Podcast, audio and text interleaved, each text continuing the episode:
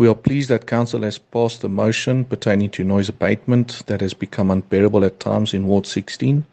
There are a number of student accommodation establishments that have become unruly, which is causing a disturbance for the residents who have complained, and we are hoping that the municipality will enforce their bylaws, bringing an end to the noise disturbance.